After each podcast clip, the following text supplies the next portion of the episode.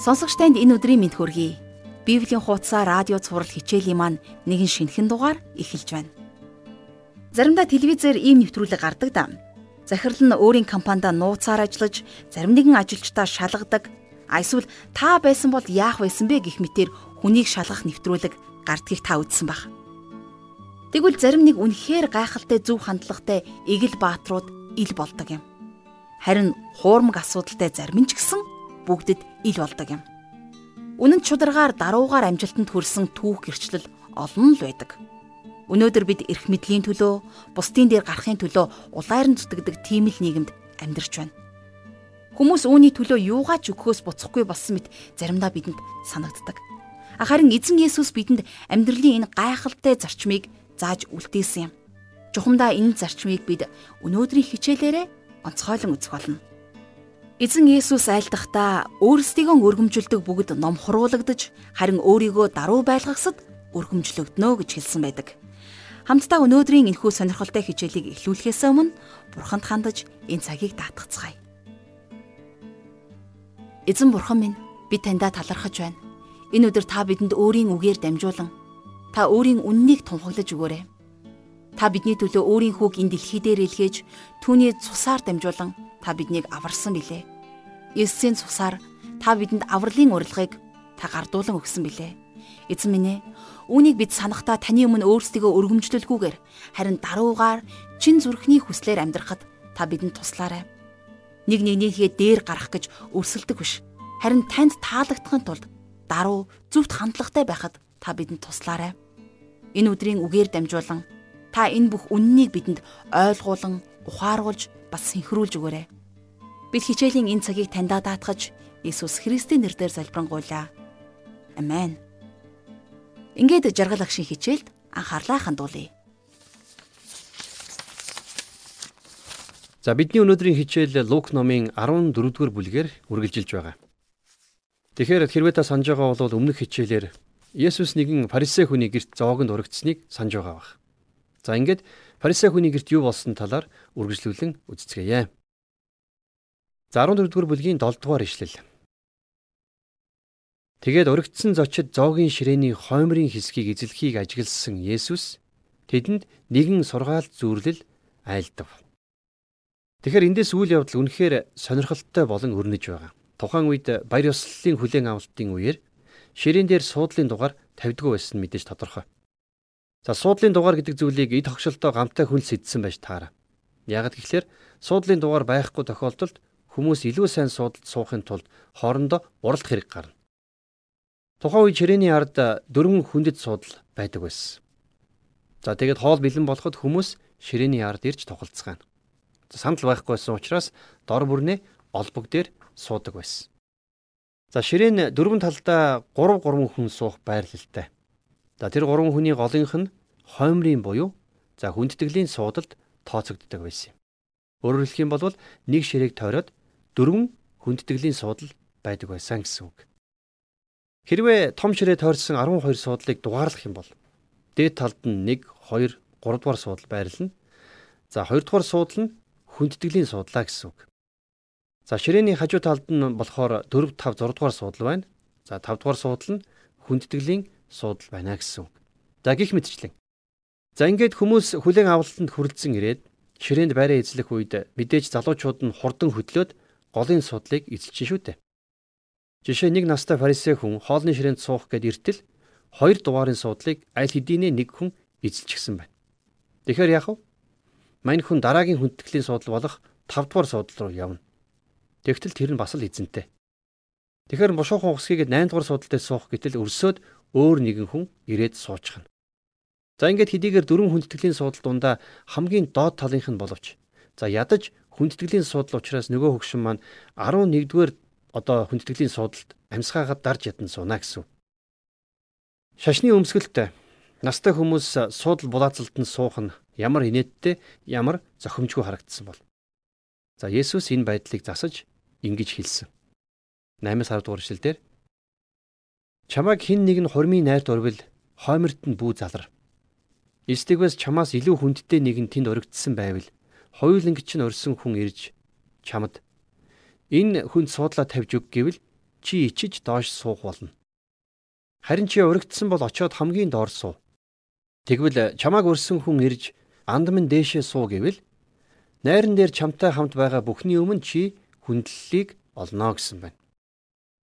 За тэгэхээр хэрвээ та нар хурим найранд өргөдсөн болвол хүндтгэлийн суудалд суух гэж битгий яар. Учир нь гэрийн эзэн тэр суудал дээр өөр нэгнийг суулгахаар бодчихсон байж болно шүү дээ.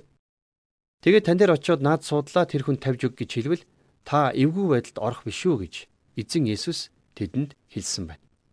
Ердөө ганцхан суудал алгацаад суухтал хамгийн доод суудалд суучихна гэсэн үг. Харин та оройн зоогонд өргөдсөн бол хамгийн доор суугаарай. Хин ч энэ суудлын төлөө өрсөлдөхгүй учраас тэнд ямарваа нэгэн хэрүүл тэмцэл өрнөхгүй. Тэгэд гэрийн эзэн ирээд таныг доор сууж байгааг хараад та чинь миний хүндэд зочин шүү дээ. Алив энэ хоймрын суудалд суу гэж өрөх болно.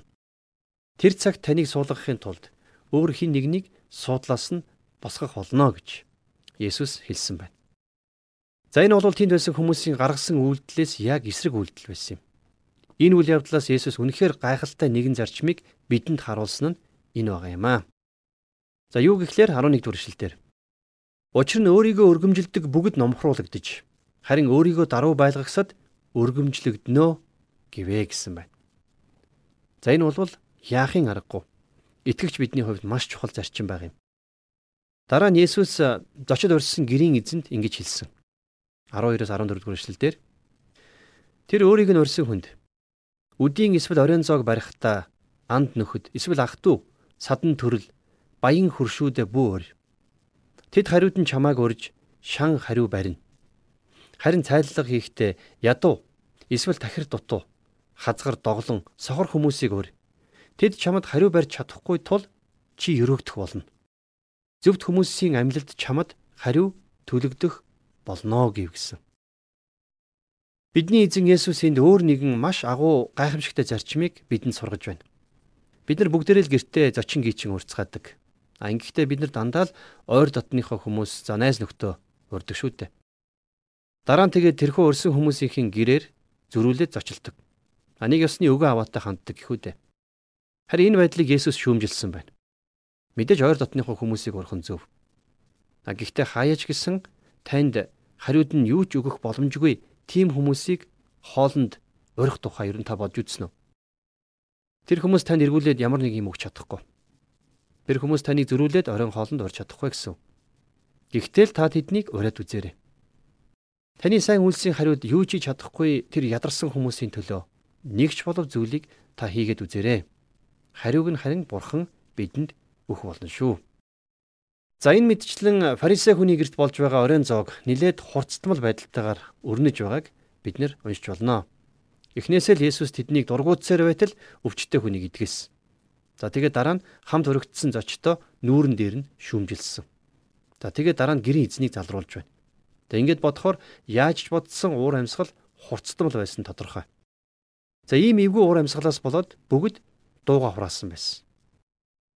15 дугаар ишлэгийг харъя.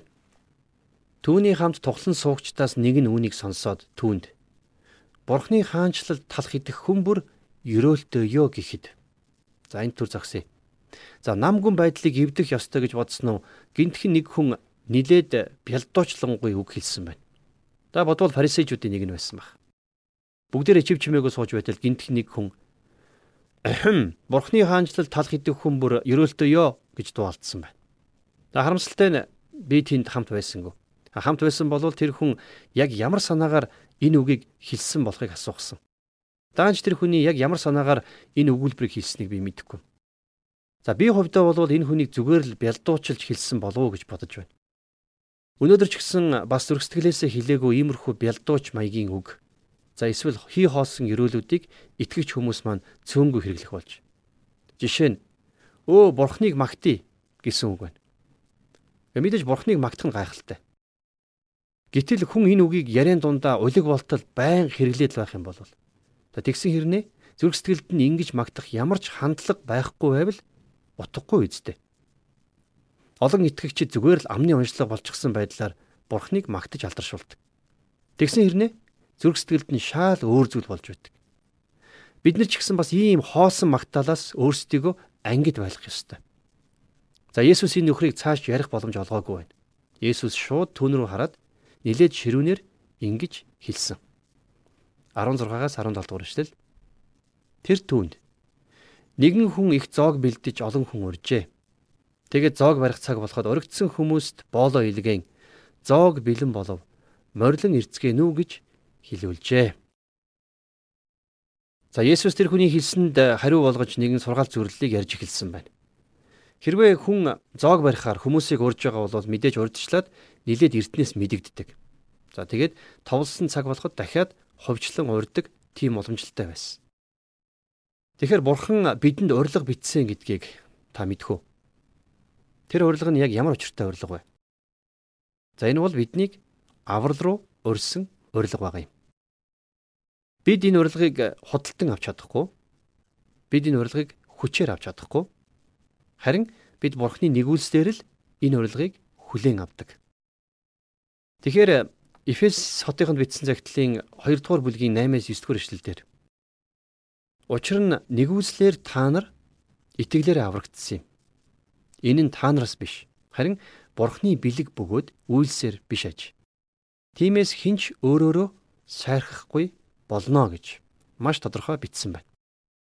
Тэгэхээр бид нэр тэр урилгыг бэлэг болгон авч байж Бурхны бэлдсэн тэрхүү гайхамшигтай зоогт оролцох болно гэсэн үг. За бид ганцхан тохиолдолд тэнгэрт болон тэр гайхалтай хүлээн авалтаас хоцрох болно. Тэрхүү урилгыг хүлээн авахаас татгалцсан тохиолдол ч үү. За энд Есүс Бурхны хаанчлал талах хэд хүн бүр өрөөлтөөё гэсэн зусарч бялдууч үгийг битгий хэлээ. Бурхан та нарыг хаанчлалтаа урихад та нар яаж ханддаг вүлээ дээ гэд энэ түүхийг ярьж байгаа санаа юм. Сонсогч танд Библийн боловсрол олгох Библийн хуудасаар радио хичээл хурж байна. Та санал бодлоо 8983 1045 утсанд хандаж хэлээрэй. Бас манай Facebook хуудасаар зочилж болно. Хаяг нь facebook.com библийн хуудасаар. За 18 дугаар ишлэлээр үргэлжлүүлэн Гэтэл өргөцсөн хүмүүс бүгдээрээ л шалтак хилж эхлэв. Эхнийх нь би газар худалдаж авсан тул явж түүнийг үзэх хэрэгтэй байна. Намайг уучлаарай гэжээ. За энэ бол үнэндээ шалтгаан биш. Энэ бол шалтак. Шалтак гэдэг бол шалтгааны арьс нөмөрсөн худал үг. Оройн цогт өргөцсөн хинэнч би очихгүй гэж шууд хэлээгүү. Тэд нар зүгээр л очих дургүй байгаагаа нууж янз бүрийн шалтак тоочж эхэлсэн. За эхний хүн болохоор газар худалдаж авсан учраас газараа явж үзэх хэрэгтэй байна гэж шалтгалсан. Энэ хүн бол худалч эсвэл муухаг. Газар худалдан авч байж огт үзэхгүй авдаг хүн гэж байх уу? За 19 дэх эшлэл дээр нөгөө нэг нь би 10 өхөр худалдаж авсан юм. Тэднийг үзэхээр явлаа. Уучлахыг гуяа гэхэд. За бас эхний хүн өвөл хөдөл хөрөнгнөөс болоод очихгүй гэж хэлсэн. За харин энэ хоёр дахь хүн бол бизнесийн шалтгаан тооцсон. Энэ хүн ч гэсэн бас худлаа хэлсэн. Оройн зоогийн цаг болцоход байхад харанхуйд үхрээрээ газар хаагалж үзэж чадна гэж юу? Тэгэхээр тухайн үед прожектор тийм хурц гэрэл энтер байгаагүй шүү дээ. Энэ хүн бас л шалтак тооцсон. Тэгэхээр өнөөдөр олон хүмүүс амьдрахын төлөө л явж байна шүү дээ гэсэн үгийг их хилдэг болж. Ажил төрөл хийгээ завгүй учраас бурханд цаг гаргаж чадахгүй байна гэж тэд нар хэлдэг.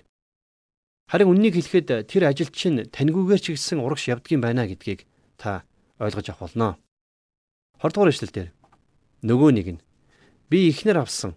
Ийм учраас би очиж чадахгүй гэжээ гэсэн байна. Тэгэхээр Израильд нэг ийм хууль байдаг байсан. Дөнгөж гэрэлчгээд байгаа хүнийг дайн тулаанд явхаас нь чөлөөлдөг байсан. А гэхдээ энэ тохиолдолд энэ хүнийг дайнд явуулах гээгүй дээ. Тэгэхээр энэ хүн хамгийн инээдтэй шалтгаан хэлж байгаа биз? Тэр хүн оройн хоолнд ихнэрээ дагуулад ирж болно дээ. Тэр хүний их нэртэйгээ хамт байх гэсэн сэтгэл нь түүнийг оройн зоогонд очихгүй байхад хүргэсэн. Өнөөдөр маш олон хүмүүс за ням гараг бол миний гэр бүлтэй цаг гаргадаг ганцхан өдөр байгаа юм. Тийм болохоор би цуглаандаа явдггүй маа гэж тайлбарладаг. За тэгэхээр энд дурддагдж байгаа гурван зүйл бол бусад бүх зүйлсээс илүүгээр хүмүүсийг бурхнаас холдуулдаг. Эд хөрөнгө, ажил, бизнес, хайр сэтгэл. Өнөөдөр эдгэр зүйлсээс болоод яг хідэн хүн бурхнаас холдсон бол уг нь бурхан танд гээд урилга бэлтчихсэн шүү дээ. Тэр урилгыг Есүс Христийн цусаар бичиж таныг авралынхаа ширээнд урьсан. За цааш нь уншъя. 21-с 24 дугаар эшлэл. Боол нь буцаж ирээд үнийгээ эзэнд хэлв. Тэгтэл өрхийн тэргүүлэгч хилэгнэн боолдоо.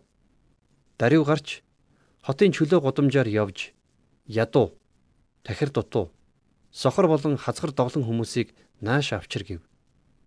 Боол нь эзэнтэй тушаас нэгт нь ёсоор болгосон хэдий ч сул суудал байсаар л байна гэхэд эзэн нь боолдоо. Зам хашаа хаваар яв. Гэрийг минь дүүрэн байлгахын тулд хүмүүсийг албадан авчир. Би та нарт хэлий. Урагдсан байсан нөгөө хүмүүсээс нэгэн ч миний зоогноос амсахгүй гэжээ гэв гисэн байна. За энэ бол үнэхээр ноцтой мэдэгдэл байгаа юм. Хэрвээ хин нэгэн бурхны урилгаас татгалзах юм бол бурхан тэр хүнээс татгалзах болно. Тэр хүн бурхны урилгыг хүлээн авахаас татгалцсан учраас тэр хүн энхүү их найрны гадна хоцрох болно гэсэн үг. Есүстэй хамт үе олон хүн явж байв. Тэр иргэн тэдэнд хэрв хин нэг нь над дээр ирж өөрийн эцэг их эхнэр хүүхэд ахагч дүүсээ төдийгүй өөрийн амийг хүртэл үл ойшоохгүй бол тэр миний шав байж чадахгүй. Загламайгаа үүрлгүй намайг дагагч нь миний шав байж чадахгүй гэсэн байна. За бид нар бурхныг ямагт нэгдүгээр тавих ёстой гэдгийг эдгээр ишлэлүүд биднэрт тодорхой харуулж байна. Есүс Христэд өөрийгөө зориулж байгаа итгэгч хүний хандлага ч гэсэн яг л ийм байх ёстой. Итгэгч хүний Есүст хандаж байгаа хандлагыг өөр бусад хүмүүст хандаж байгаа хандлагатай зөрүүлүүлэх юм бол яг л тэр хүмүүсийг үл тоож байгаа мэт харагдахаар ийм хэмжээнд өөрийгөө зориулаарай гэж Есүс хэлсэн байна. А гэхдээ энэ бол биш үү? Шууд утгаараа тэднийг үл тоох биш. Харин харьцуулж хэлсэн харьцуулалт байсан юм. 28-аас 30 дугаар ишлэгийг хамтдаа уншицгаая. Та нарын хинчин цамхаг барихыг хүсвэл эхлээд суугаад үүнийг дуусгахтайгаа юу хэмээн зардлыг нь тооцоолохгүй вэ? Эс тэгвээс суурийг нь тавьчихаад дуусгаж чадахгүйг нь харсан бүхэн түүнийг шоолж энэ хүн барьж эхэлсэн ч дуусгаж чадсангүй гих болно гэсэн байна. Христийг дагахын тулд хүн ямар нэгэн төлөөсийг заавал төлөх хэрэгтэй болдог. Есүсийг дагахын тулд ямар нэгэн золиосыг хүн заавал гаргах болно. Энийг бити мартаарай. 31-ээс 33 дугаар эшлэлдэр Эсвэл нөгөө хааны эсрэг дайлаар мордохдоо өмнөөс нь айсвэ 20 мянган дайчдыг 10 мянган дайчид нь сүр зогсох хүч болж чадах эсхийг урдчлан зөвлөлтөхөөр суухгүй байх ямар хаан байх вүлээ.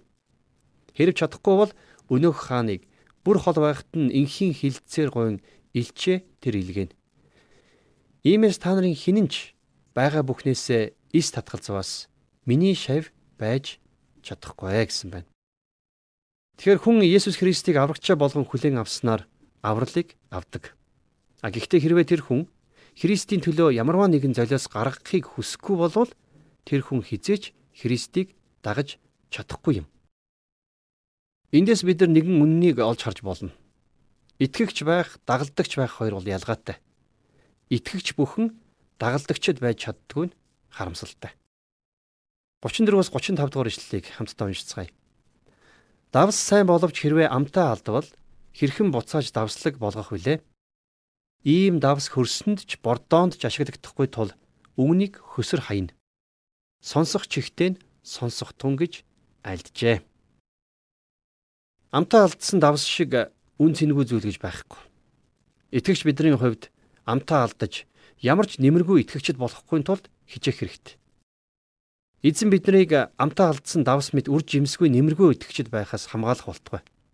За одоо хамтдаа бид нар үргэлжлүүлээд бидний эзэн Есүсийн альдсан хамгийн гайхалтай сургаал зөвлөлүүдийн нэгийг үзэх гэж байна. Энэ бол төөрсөн хүүгийн тухай сургаалт зөвлөл байгаа юм. За энэ түүхийг бид нар Лук номын 15 дугаар бүлэг дээрээс үзэх болно. Энэ гайхалтай сургаал зөвлөлийг үзэж эхлэхээс өмнө за Есүс жохом яагаад энэ сургаал зөвлөлийг ярих болсон юм бэ гэдгийг ярих хэрэгтэй баг. За маш олон гим нүгэлтнүүд татвар хураагчид Есүсийн сургаалыг сонсохоор ирж байсан. Энийг харсан фарисеучуд болон хуулийн багш нар хоорондоо шивэр авир ярьж эхэлсэн байна. За энээс болоод тэд Есүсийг шүүмжилж байсан. Гэтэл тэр өөдгүү хүмүүстэй нь Есүс хамт суугаад хооллоод эхлэхлээр бүр их хил хамгааргасан. Ингээд тэд нар ам амдаа бовтнолдон бусдыг буруутгаж байсан фарисеучуудын асуултанд хариулт өгөх үүднээс Есүс сургаал зөвлөлийг ярьсан байдаг. За угтаа болвол байж тээ яг нэгч биш. За бүр ар ардаасаа үргэлжилсэн гурван сургаал зөвлөлийг Есүс ярьсан юм. За тухайлах юм бол алдагдсан хоньны тухай, алдагдсан зоосны тухай, за тэгээд гуравдугаарт нь төөрсөн хүүгийн тухай сургаалт зөвлөл. За нарийн харах юм бол энэ гурав нийлээд нэг сургаалт зөвлөл буюу за нэг зургийг зурглан харуулсан гурван зөвлөл байгаа юм. За сонсогч та мэддэг гэж магадгүй. Триптик гэдэг зургийн хэлбэрийг гурван өөр зургийг нийлүүлээд нэг жаазанд хийж нэг зураг болгосныг триптик гэж нэрлэдэг шүү дээ. Тэгэхээр жаазан дотор гурван өөр зураг байх боловч нийлэхээр нэг утга санааг илэрхийлсэн нэг зураг болон хувирдаг уран зургийн өвөрмөц хэлбэрийг триптик гэж нэрлэдэг байна. Есүс бидэнд яг л үүн шиг хоорондоо холбоотой гурван сургаал зөвлөлийг ярьсан. За энэ гурван сургаал зөвлөлийг бид нар триптик гэж нэрлэж болно. За ингээд хичээлийнхаа төгсгөлд хамтдаа Лук номын 15 дугаар бүлгийн эхний хоёр ишлэлийг уншицгаая. Нэгээс хоёр дугаар ишлэл. Татвар хураагчид ба нүгэлтнүүд бүгд түүнийг сонсохоор ойртцооход фарисеучуд болон хуулийн багш нар дургуйтсан дүгнэлдэж Энэ хүн нүгэлтнүүдийг хүлээн авч тэдэнтэй хамт хоололдог гихтэн. За энд төр зогсъё. Үнэхээр бидний эзэн Есүс гим нүгэлтнүүдийг хүлээн авдаг юм. Өөрт нь итгэж, өөрт нь найдсан хүн бүрийг Есүс хүлээн авахдаа үргэлж бэлэн байдаг. За яагад гэвэл Есүс Христэд итгэсэн хүн бүрийн гим нүгэл уучлагддаг учраас. Тэгэхээр их зантай өөрсдийгөө гимгүй ариун гэж бодож байсан фарисеучуд эзэн Есүсийг чичилж энэ хүн нүгэлтнүүдийг хүлээн авч тэдэнтэй хамт хоололдгоо гэж буруутгаж байсан. Харин бидний хувьд бол Есүс гим нүгэлтнүүдийг хүлээн авч тэдэнтэй хамт хоололдог байсан нь юутай их аз завшаан бэ.